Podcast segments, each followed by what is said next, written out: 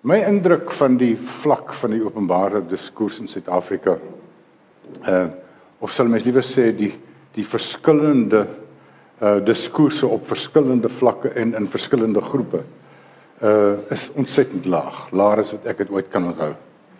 Dis meestal maar woede en onverdraagsaamheid en vrees wat die mense uitgespreek sien. En gewoonlik dink ek weerspieël die vlak van 'n nasionale debat en 'n gesprek en 'n diskurs ook die vlak van die media. Want dit is tog die media wat openbare mening moet inlig. So nou weet ons. Ehm um, ons het vinnige toegang nou tot die nuus. Meer as ooit tevore. Uh as jy op Twitter is, letterlik weet jy hoe goed gebeur soos dit aangaan maar ons weet minder en en, en Lizet het die het die titel voorgestel van meer inligting maar minder kennis. Is ek sover in die kort wil jy daarby oorneem by meer inligting en minder ja, kennis? Ja. Dankie Max um, en dankie vir almal wat hier is. Ek hier is soveel gesigte in die in die gehoor dat ek amper voel ek wil eerder daar gaan sit en julle moet maar hier kom sit want ek dink julle gaan dalk meer inligting en meer kennis kan oordra. Ehm um, dit is verskriklik belangrik wat Max sê oor die rol van die media in die samelewing. En ons het soveel verskillende platforms van media, maar wat weet ons nou eintlik? En baie dankie dat jy die voorbeeld genoem het van van Reagan en Nixon wat so 'n bietjie verwar is. Ehm um, ons het van ons studente hierso so onthou asseblief sulke soort voorbeelde. Ehm um, die die internet spesifiek wat jy so die heeltyd by jou het. Jy's die heeltyd aan die gang met media. Jy's die heeltyd word jy ingelig met wat waar gebeur. Maar terselfdertyd polariseer um die internet die samelewing so geweldig. Jy het hierdie hierdie um 'n uh, single issue society wat wat jy's in 'n groepie en daai groepie dink almal dieselfde. So julle julle um stook mekaar so bietjie met die vuurtjies aan en so aan dat dat maar eintlik weet julle nie wat in ander kampe aangaan nie, wat in ander la, la, lagers aangaan nie.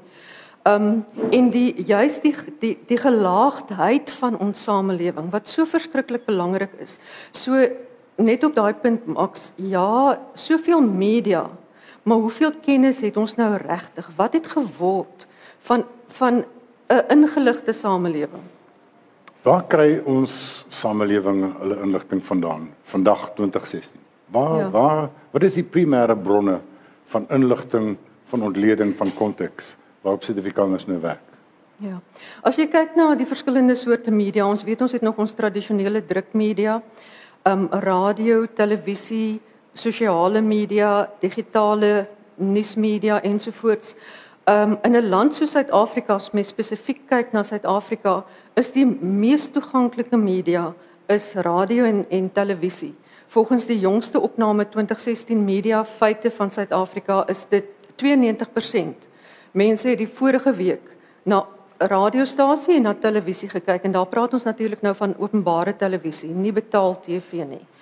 Um omtrent 22% die toegang tot 'n dagblad gehad. Dit klink vir my bietjie hoog vir 'n vir 'n samelewing wat nie eintlik 'n lesende samelewing is nie. Bevraagteken ek daai syfer. Maar die 92% radio TV toegang is vir my, dink ek kan 'n mens aanvaar. Nou dit is hoekom dit so belangrik is dat die inligting wat wel op daai platforms versprei word, geweegde, getoetste, geverifieerde inligting is. Um waar jy weet dit is volgens 'n professionele kode in 'n nuuskantoor saamgestel en nie iemand se mening iewers nie. Um, maar ons gaan nog by daai punt kom dink ek van wat ja. is wat is beriggewing, rapportering en wat is wat is mening. Ehm um, maar net gewoon ons gewone normale media toegang. Ja, ons is in 'n land waar ons artikel 16 in ons grondwet handves van menseregte sê vryheid van spraak, vryheid van uitdrukking, maar ons weet ook hoe dit geërodeer word. En anders as in Turkye wat ons die naweek gesien het, wat is daai Koran Zatan Nazan iets is die Koran se naam wat die mense openlik in die strate geprotesteer het ja. oor die die staatsoorname van hierdie van hierdie Koran. Waar sou ons sweets in Suid-Afrika sien? Ons media ons journalistiek word voor ons oë geërodeer en wat doen ons? Ons doen niks om ons duurgekoopte um mediavryheid te beskerm nie. Ek dink 'n uh, 'n ander faktor wat mense nooit in, in uit die oog moet verloor nie is hoe 'n groot aantal Suid-Afrikaanse burgers hulle inligting, hulle primêre inligting kry van radio en televisie in inheemse tale. Ehm um, ek het nou veral dit in in in KwaZulu-Natal raak geloop. Waar ek vir gaan probeer navors het hoe hoe sterk loop president Zuma se steun daar. En van die mense het reguit vir my gesê soos al die ander goed het president Zuma die Zulu radiostasie ook gecapture. So al wat die mense hoor is wat Zuma wil hê hulle moet hoor. Ehm um, en ek is baie bly om te sê dat in die inheemse taal waarin die SAK uitsaai Afrikaans is dit nie die geval nie. Mm. Dit is een van die een van die juwele uh in Suid-Afrika vandag is Afrikaanse radio uh, RSG. Ehm um, ek wil vir jou vra, dink jy mense, gewone mense dink dat sosiale media Facebook en Twitter dink jy hulle verwar dit met journalistiek? Mm -hmm. Ja. Net gou-gou op jou jou opmerking oor oor KZN in die in die media daarso. Daai state capture van media sien ons al hoe meer ook van die private media. Ehm um, dis is een ding as die nasionale uitsaaier 'n staatsuitsaaier word, soos wat ons ons sien op TV en sommige radiostasies. Ehm um, maar as private media ook begin val in daai greep van state capture, dan moet die gevaarligies nie net flikker nie, maar die die alarms moet afgaan. Al kan ek jou weer in die rede van in praat spesifiek van mense wat media huise koop en na my beskeie oordeel nie so seer om om 'n stem te hê nie, maar om om die die die regering se goed goeie guns te koop. En ons praat spesifiek hier as ek mag van ANN7 in the new age wat die Guptas daai goed maak nie geld nie dit verloor miljoene miljoene. Maar die ANC skuld hulle. So en ek dink in 'n sekere mate kan mense sê dis waar ook van Sekunjalo wat die independent groep gekoop het. Wat meer is wat van 'n wit voetjie soekery is vir kommersiële doeleindes as wat dit is uh, om 'n propaganda uh werktuig te word alhoewel van die koerante het werktuigte geword en ons moet net 'n bietjie praat oor die Cape Times. Ja, ja. Die die die die term is die politieke ekonomie van die media, wie die mag en hoe word daai mag, hoe speel dit uit daar buitekant? Maar uh Max jou vraag oor sosiale media, Facebook, Twitter of mense dit verwar met journalistiek. Ek ek as As joernalis en as sosiaalwetenskaplike sal ek wil sê kom ons doen eers 'n ondersoek sodat ons wat ek gaan sê op feite kan baseer. Maar my gevoel is as ek luister na wat mense praat, is dat mense dink ja, sosiale media is gelyk aan aan aan 'n inligtingbron soos die journalistiek terwyl dit tog nie kan wees nie. Journalistiek is per se um word word gedoen in 'n nuuskantoor waar dit veronderstel is om onafhanklik te wees waar natuurlik objektiviteit is iets waaroor ons tot môre toe kan praat waaroor jy nou nie um tot die tot dan hier wil bly nie maar daar is nie so iets soos objektief nie. Daar's wel jy kan onafhanklik wees jy kan dit laat toets jy kan verskillende stemme laat hoor dit moet onafhank, um, onafhanklik geverifieer word ensovoorts maar subjektief jy gaan altyd altyd deur 'n sekere bril na iets kyk. Um dit wat jy op Twitter en Facebook kry is is oomblik vir oomblik um boodskappe wat nêrens getoets is nie, wat aan geen professionele kode voldoen nie. Ek glo die die joernaliste wat tweet en wat op Facebook is, doen dit op 'n verantwoordelike professionele manier. Um want byvoorbeeld 'n blogger uh almal kan bloggers wees, maar almal kan nie joernaliste wees nie. So so jy moet daai onderskeid tref tussen is dit nou 'n blogger wat blog uit sy persoonlike oortuiging, sy eie agenda wat hy hier wil verkoop aan mense of is dit 'n joernalis wat 'n blog het wat werklik 'n ingeligte mening gee? En en dit is maklik om dit te toets. Ja, ek ek moet sê my ervaring van sosiale media ehm um, druk my in 'n rigting wat ek my hele lewe lank teëgestaan het en dit is om nie die menings van die menigte hoog te ag nie. Ehm um, Byvoorbeeld, 3 weke gelede, ek is 'n ou Joe Cocker musiekfan. 3 weke gelede is daar 'n ding op Twitter, Joe Cocker het gesterf. En die mense gaan besurk. Oral oor die wêreld, nie in Suid-Afrika ook, maar ek meen dit is almal post en repost en dit is tribute bands en dit gaan en ek sê daar ek is 'n ou fan. Hy is al 3 jaar gelede dood. en jy dink hoe dom en nosel kan mense wees? Ja, ja. Uh en die goed wat mense selfs ja. mense wat my uh Facebook posts volg. Die twak wat hulle op wat hulle glo, die die die die samesweringsteorieë dis ja, absoluut ja, ja, ja. ongelooflik. Ja. Ek dink dit is 'n baie goeie voorbeeld van daai ding van moenie dat feite in die pad van 'n goeie storie staan nie. Ehm um, dit is so lekker om om so lekker sappige dingetjie te volg en en meer inligting te gee sonder om regtig te gaan toets nou maar waaroor gaan dit dan nou? Ja. En en wat het wat is die werklike feite? Wat is die waarheid? Maar die waarheid is natuurlik ook debatteerbaar. Want my waarheid is iets anders as jou waarheid. En en Ben Bradley die die redakteur van die Washington Post juist tussen tydens die Watergate skandaal het in een van die ehm um, baie hofsaake in daai tyd het hy vir die regter gesê maar dit is die naaste aan die waarheid wat waaraan hulle kon kom tot in daai stadium. So so die waarheid kan jy maar net in laagies gaan oopvlek soos 'n ui wat jy afskil totdat jou oë traan. Ehm um, en dan is jy dalk nog steeds nie by die kern van wat waaroor gaan dit hier nie. Mm. Een van die ANC se top 6 se dogter het so 3 4 maande gelede 'n stuk op uh, Twitter geplaas want sy gesê het uh ek het dit gedink dit gaan oor 'n viering oor 'n cricket of 'n rugby oorwinning. Toe sê sy ja, hele wit mense vier nou fees, maar wat van die 4 miljoen swart mense wat onder apartheid doodgemaak is? En ek tweet vat terug en ek sê ehm um, miskien moet jy net jou bron en sy stuur toe vir my bronne aan. Sy het genoeg bronne op Facebook. Sy sê party mense sê selfs dis 6. Dis 'n meisie met 'n graad se werk vir die staat. Dit is absoluut ongelooflik. En die probleem dink ek uh, is dit is omtrent elke huishouding. Ek dink die die die die aantal is nou 9,2 uit 10 huishoudings het 'n het 'n selfoon. So die rekwyte van sosiale media en van WhatsApp is ongelooflik groot ja, in ons gemeenskap. Ja, ja. ja. Die die die syfers is ons is blykbaar oorvol skryf in terme van van huishoudings met met selfone meer as 100%. Met SIM-kaarte ten minste. Ja, ja.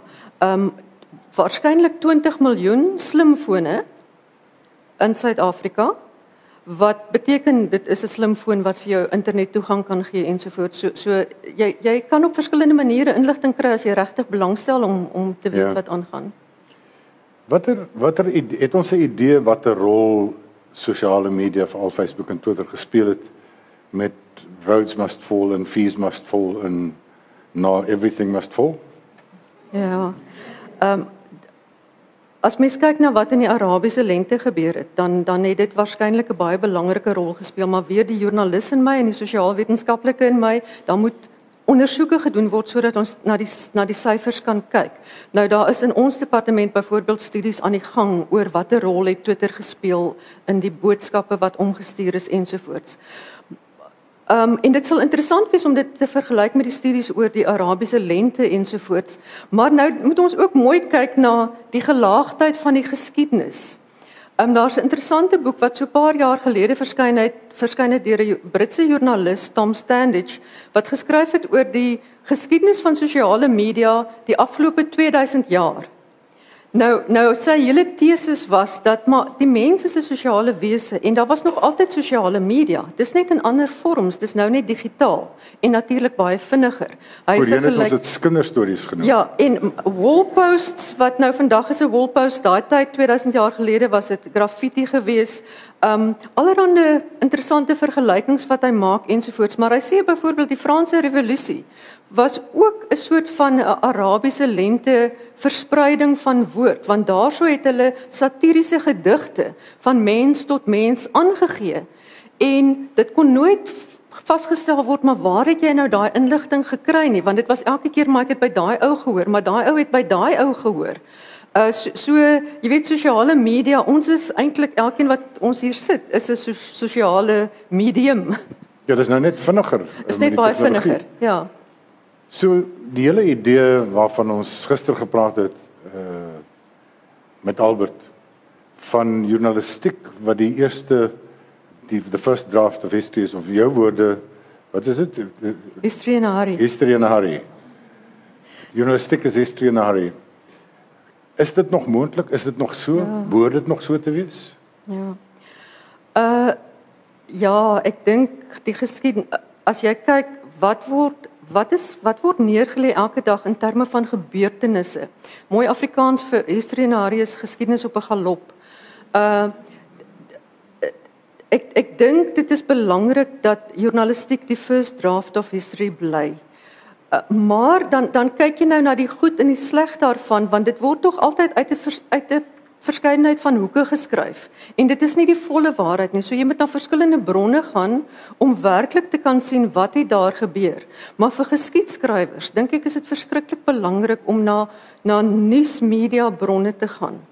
En daarso weet ek nie wat die wat die generasies van die toekoms gaan doen nie, want vir ons is dit nou nog interessant om te kyk die eerste Afrikaanse hoofartikel in die Burger 3 Januarie 1922 Wat het rondom dit gestaan?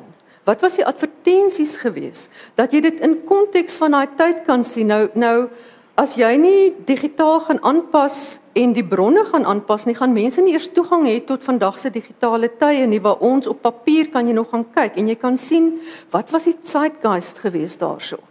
Ehm um, sodat jy op daai manier ook 'n 'n gelaagdheid het van die geskiedenis rondom dit. So Die journalistiek as eerste optekening van die geskiedenis. Ja, absoluut, want dit is volgens 'n professionele kode gedoen. Hoopelik die nuuskantore, ons het ons geskiedenis, ons het hopelik geleer uit die geskiedenis van van ehm um, sakken, jy weet dat jy dat jy gekoopte joernalis joernaliste het in in die sin van dat jy meegaan met 'n ideoloog ideologie ensovoorts. Ehm um, dat dat jy dit volgens 'n professionele kode doen en dat dit dan nou die toets van die tyd gaan weer deurstaan sodat jy dit kan toets met ander inligtingbronne, dokumente wat ook al en tog 'n prentjie kan kry van die geskiedenis. So die eerste the first draft of history, maar terselfdertyd history in a hurry. Dit is my opvallend dat uh, die een van die groot suksesvolle ehm um, boeke oor die politiek in Suid-Afrika was R.W. Johnson se so onlangse boek wat herskryf is van 'n vorige een. Ek bedoel dis 'n letterlike bestseller. En dan gaan kyk jy na sy 80 bladsye van bronne en 99% daarvan is knipsels. Mm. En, en dan dink jy dis dis dalk waar. Ja. My ander opmerking miskien net is ek sien die verskynsel dat joernaliste begin boeke skryf. Ehm um, en van dit was geweldig swak en van dit was redelik goed. Maar ek dink in in in Hebreë gesien is dit 'n goeie idee. Mm. Ehm um, mense wat ek self nie vreeslik ooghare voor het nie en uh kan lees ek na die boek en dan weet ek jy weet waar hierdie ou vandaan kom, jy weet waar hy was. Mm. Ons sit byvoorbeeld nou met 'n nuwe boek van John Matheson, ons sit nou met 'n nuwe boek van Alistair Sparks. Uh en ander joernaliste se memoirs. En ek het self een geskryf. Uh oor my tyd as 'n waarnemer van die politiek. En dit raak 'n lekker ekstra bron ehm um, nog steeds van die journalistiek wat vir ons sê hoe is die geskiedenis ervaar. Ehm um, so dit ek hou baie daarvan. Ehm um, ek wil spesifiek meer spesifiek en prakties wees. Uh, kom ons toets ons media. Hoe het die media in Suid-Afrika ons as 'n publiek gedien met inligting oor die studente proteste van Feesmast van Oktober verlede jaar af tot nou. Want dit was totaal onverwags. ehm um, hoe is die verskillende bevolkingsgroepe klasse bedien deur die verskillende groepe media om hierdie ding te kan verstaan want dit is vir my baie duidelik mense verstaan dit nog steeds mm, glad nie. Mm, mm. Ja, ehm um, komplekse tye vra vir vir baie goeie journalistiek. Wat sê ek daarmee dat ons journalistiek nie opgewasse is nie? Nee, dit is waarskynlik soos onder apartheid waar jy verskillende koerante moes lees om werklik 'n prentjie te kry van wat het nou eintlik gister in die parlement gebeur en en so voorts. So ek dink dit is nog steeds so 'n geval van jy moet jy moet verskillende bronne gebruik om regtig 'n prentjie te kry, maar ek dink ehm um, almal is onverhoeds betrap, maar ek dink die die tekens was al daar. So as jy kyk byvoorbeeld, jy het nou genoem journalistiese boeke, Ferial Haffage, die redakteur van City Press se boek, um What if there were no whites in South Africa? Waar sy die hele ding oor whiteness, witheid gevat het en met jong mense gepraat het, want haar generasie voel dan bevry. Nou wat het waar verkeerd gegaan met die Bonfries dat hulle nie bevry voel nie. Dit is absoluut insiggewend om daai om om uit 'n journalistieke oogpunt daai soort rapportering te sien. So ehm um, hierdie hoe het ons media gerapporteer? Natuurlik uit verskillende invalshoeke. En 'n mens moet versigtig wees dat jy nie op sleeptou geneem word met 'n sekere groepering nie, want dan verloor jy mos nou al jou geloofwaardigheid. Korrek. Ehm um, Ons weet, ons het ons verlede van partisaan journalistiek. Ons moet oppas daarvoor en ons moet oppas op kampusse ook waar die kampusmedia moet versigtig wees vir partisaan journalistiek. Waar jy moet sê namens wie praat ek hierso? Namens wie is ek 'n stem? En hoe kan ek hierdie dit wat nou gebeur dien? Ehm um, ons ons lewe in 'n ongelooflike komplekse samelewing. Ons het soveel kommunikasiekanale nodig. En die media moet eintlik 'n purgasiemiddel wees om al hierdie verstopte kanale oop te blaas. Dat mense kan begin dink, dat mense nie hulle vooroordeele verder neem volgens wat daar gerapporteer is nie. Die hulle en die ons dat mense nie in kampe gejaag word nie. Ons het dit glad nie nodig vandag nie. Ons het vandag brûe tussen al ons verskillende groepe nodig en die media as medium as hy regtig sy rol wil speel, moet daai brûe verskaf na gemeenskappe toe. Ehm um, want dit is wat hy moet wees, hy moet daar daar moet inligting deur hom vloei. Hy's 'n medium waardeur inligting deur moet vloei. As jy dit praat van die die beeld van purgasie gebruik as ek party koerante lees dan maak dit vir my baie goeie sin. Die hele idee van van buitestander wees dink ek is is 'n belangrike ding wat ek wil verder uh ontwikkel. Vir my as 'n leser ek sal eerder regtig verstaan wat gaan aan op Rhodes Must Fall in Open Stellenbosch en up whatever uproar wat wat die ander organisasies wat wie se hulle regtig wat dink hulle regtig wie sit agter hulle regtig as om deur my plaaslike koerant of radiostasie of wat ook al gesteun te word in my outrage en ek ek dink al wat ek gekry het sover is 'n koerant my koerante wat ek lees en my televisiestasie en my radiostasie het gedink ek voel outraged. Hier brand hulle dan nie goed af. Nou mm. nou sê hulle dan lelike goed op T-shirts. En my leser en my my hoorder en my en en my kyker ehm um, wil ook nou outraged wees. Mm. En ek was klaar outraged. Ek het nie 'n koerant nodig om te doen. Ek wil verduideliking sê. En ek dink nie ons het dit gekry nie. Is ek verkeerd? Ja. En asseblief kan ek vra julle moet enige stadium hand opsteek. Dis 'n hele klomp senior joernaliste hier en ek sal graag hulle mening ook wil hê. Dis 'n gesprek hierdie. Ehm um, is ek heeltemal verkeerd daarmee dat ons nog steeds nie regtig verstaan wat hier aangaan nie. Al wat ons almal voel is dis nou genoeg. Sit julle voet neer. Gooi die donders in die tronk. Maar ons weet nog nie of of stuur die die die boerseuns in om kettinge te gaan vorm Want ons moet nou 'n stand maak. Maar ons verstaan nog nie regtig waaroor dit gaan nie. Is hier enigiemand wat verstaan wat die werklike dinamika agter die swart protes op op kampusse is? Want ek sal bitter graag dit wil hoor. Ek het dit nog nêrens gehoor nie. Ja, ja. Ek dink ons moet baie versigtig wees om nie te speel vir 'n gehoor nie. Dat jy nie aannames moet maak oor wat my mense, my gehoor, my koerantse lesers, my teikenmark wat ek weet volgens die bemarkingsmense hierdie demografie en hierdie psigografie het en nou skryf ek vir hulle volgens wat ek dink hulle wil hoor. Moet versigtig wees vir daai aannames wat ons maak. Um en kom met nuwe perspektiewe sodat ons meer insig kan kry van wat is hierdie fenomeen wat om rondom ons afspeel.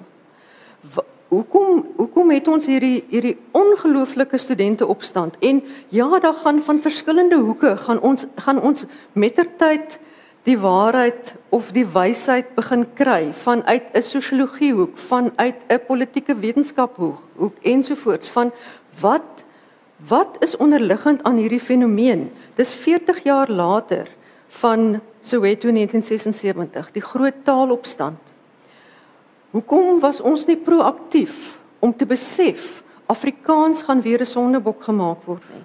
Hoekom het ons nie nie meer gesien hierdie ding sien aankom nie? en toe ons almal onverhoeds betrap en ons ons rapporteer nou volgens wat ons dink mense hoor terwyl ons moet gaan kyk wat is ons verskillende bronne en laat al daai stemme gehoor word dit is 'n demokrasie 'n veelheid van stemme 'n pluraliteit van stemme um, en dit is hoekom 'n mens graag meer stemme wil sien en meer stemme wil hoor meer media start-ups meer webwerwe ensovoorts.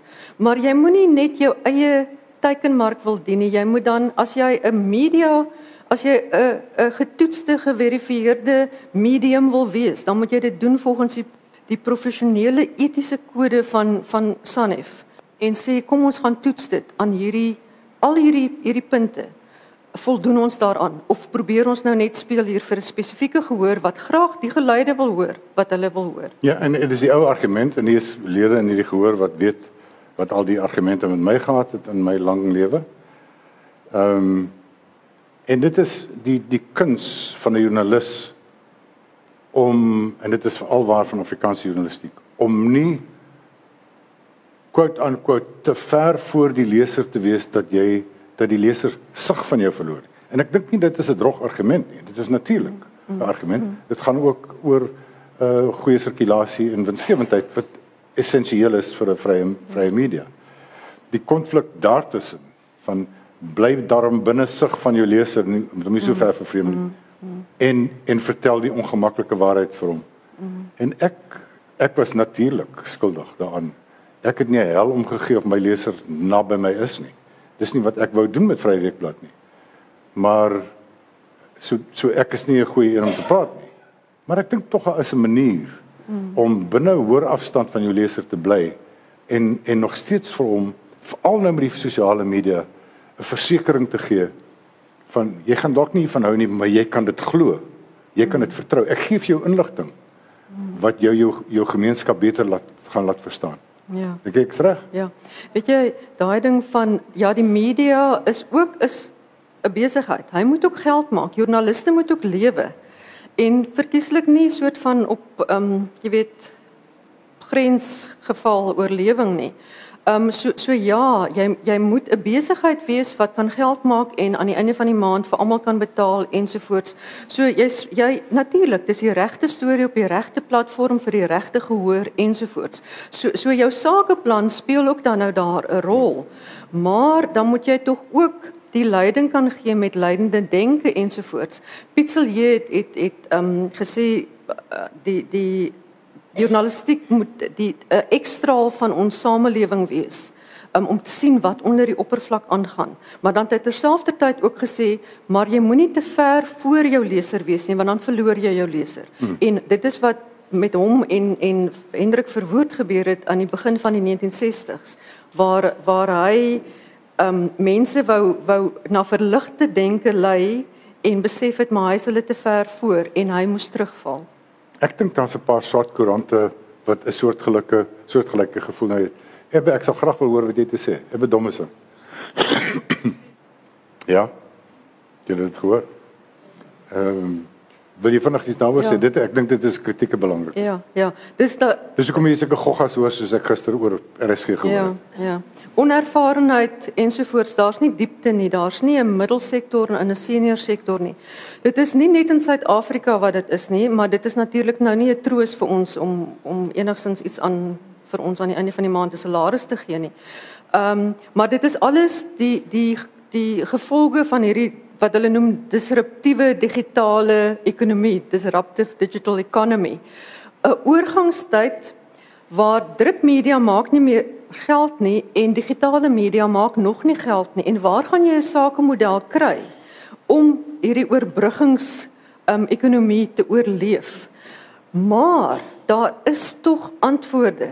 As jy kyk, as jy met een groot digitale ingreep op die selfoon telefoon model ingaan en vir mense digitale apparaat gee met subskripsies wat hulle daarop hulle betaal daai toestel af oor 2 jaar soos jou selfoon die media maatskappy het onmiddellik hulle het nie meer verspreidingskoste nie hulle het nie lorries wat Loeriesfontein toe moet ry nie anders as die Coke lorry wat nog Loeriesfontein toe moet ry. So hulle het nie meer daai koolstof voetspoor nie hulle het nie meer papier bome wat hulle moet moet verpulp nie. Hulle het nie ink nie. Hulle het 'n druk van die knoppie en hulle produk is daar aan die ander kant. So daai geld wat hulle daar spaar, kan hulle nou in die nuuskantore inploeg en vir ons verseker dat die vierde stand oorleef. Dit is um dit wat Ebbe nou gesê het is regtig verskriklik belangrik. Die afdanking van van joernaliste is besig om ons media, ons die integriteit van ons journalistiek te verskraal. Um daar's niks meer mentors in die nuuskantore nie uh waar gaan die denkende joernaliste vandaan kom as daar nie mentors is wat vir mense kan sê maar dit is dit is hoe jy onder hierdie druk van die deadline doen nie. Um want joernaliste moet vinnig dink en dit is hoekom joernaliste van tyd tot tyd foute maak. Um en dis nie 'n verskoning vir die foute wat ons maak nie, maar dit is die prys wat ons betaal vir 'n vrye media is dat ons wel foute gaan maak, maar dan kan daai foute reggestel word. Maar ons moet nie dat hierdie disruptiewe digitale ekonomie die media kantore van van die landskap af af ehm um, laat verdwyn nie. Ja, en ek moet sê daar is daar is 'n paar Afrikaanse joernaliste praktiserend vandag by koerante vir wie ek die absoluut hoogste waardering het. En ek sal sommer name opnoem. 'n Man soos Jan de Lange wat 'n arbeidsverslaggewer is. Ek het daai man al gesien opereer binne Kusatu. Hulle vertrou hom ten volle. Want hy het sy pad geloop. Hy's nie aan hulle kant of iets nie. Die sakemanne vertrou hom net soveel. Hy het daai pad geloop van hy weet werklik waarvan hy praat. Hy gaan sy bronne gaan toets. Hy druk nooit kinderstories nie. En daar staan hy, hy is seker ons beste arbeidsverslaggewer in die land op oomblik. En ek dink hy werk vir 'n rapport. Lekker vir rapport, dink so. Med, med, maar ook ander mense, mense soos Erika Gibson, as jy 'n militêre storie wil hê, dan is sy daar. So ons doen nog goed. Ehm uh, ek wil vinnig spring en en vir jou daar's 'n vraag daar wat ek nou by wil kom. Ek vra hoe het ons die studente uh proteste gerapporteer? Hoe het ons die taaldebat op Stellenbosch gerapporteer? En ek is genoeg moeilik, ek het genoeg moeilikheid gemaak in die laaste week. Ek wil nie verskriklik baie meer daaroor sê nie. Ja. Maar partykoer. nou wil jy laat ek ook moeilikheid maak. ja, die taaldebat kom natuurlik al 'n hele tyd aan. Hy het eintlik in 2002 begin onder Chris Brink se tyd, ehm um, wat die burger se se brieweblad vol was van van briewe oor hoe Afrikaans op Stellenbosch behandel word ensovoorts. Taal is 'n emosionele kwessie. Taal sal altyd 'n emosionele kwessie bly en ek dink Afrikaans sal veral 'n emosionele kwessie bly. Maar ons gaan nie meer vriende vir Afrikaans maak as ons vaskop met Afrikaans nie. Ons gaan meer vyande maak as ons sê hier trek ons die streep in die sand Stellenbosch is Afrikaans soos wat hy voorheen Afrikaans was. As ons 'n omhelsende kultuur het op Stellenbosch met Engels en Afrikaans sonder uitsluiting van taal.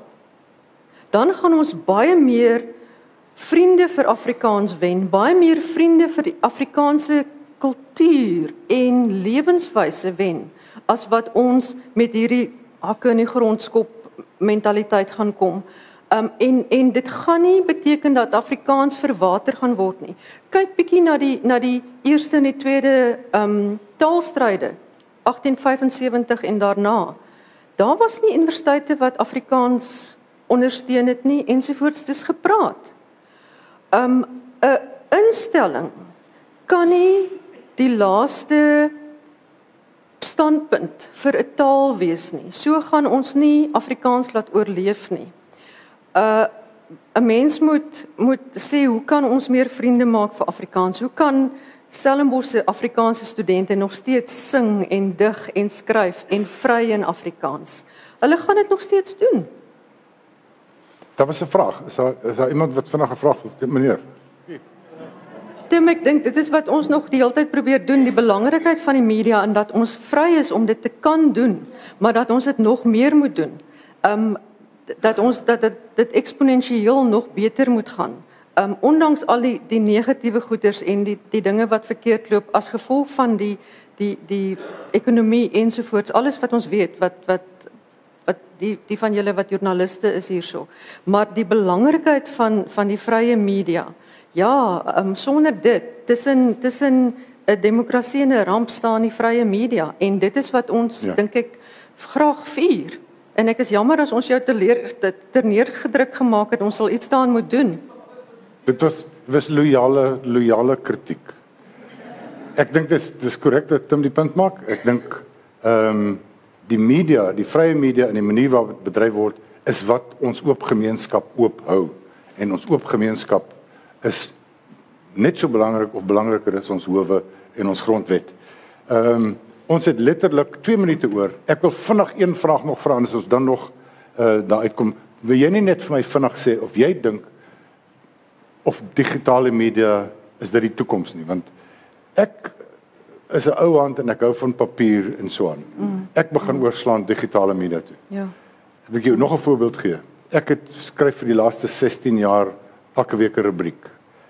En ek het vir die Star en die Cape Times en al die plekke en as ek een brief in reaksie kry uh in 2 weke dan voel ek goed en uh, ek het gereken ek kry so by die Cape Times het ek seker so 5600 lesers. My rubriek laasweek op news24.com het 185000 mense het dit gelees. Die rekwyte is iets waarvan 'n gedrukte joernalis net kan droom. Ja.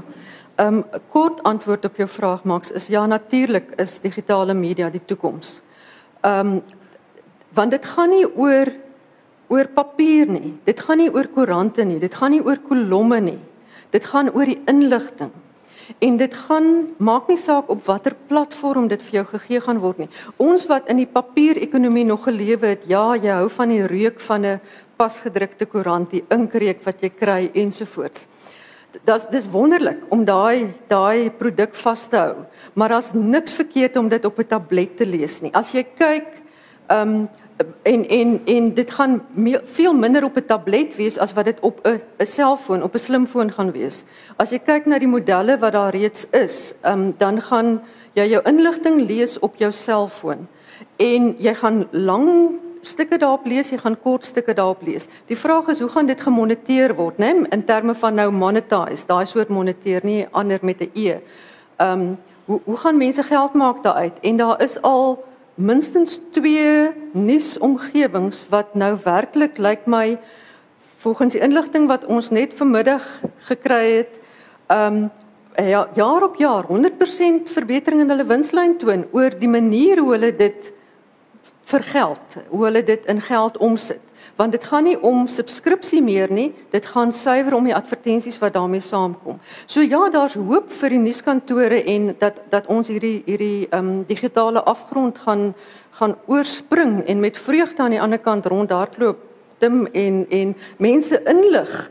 Ehm um, en en dit dit positief doen, maar nie op papier nie, op op digitale toestelle. Ehm um, daar's mense wat na ander plekke toe wil gaan. Dit is nou 10 voor 6, dis ons aan die einde van ons ding, maar hier is 'n paar hande.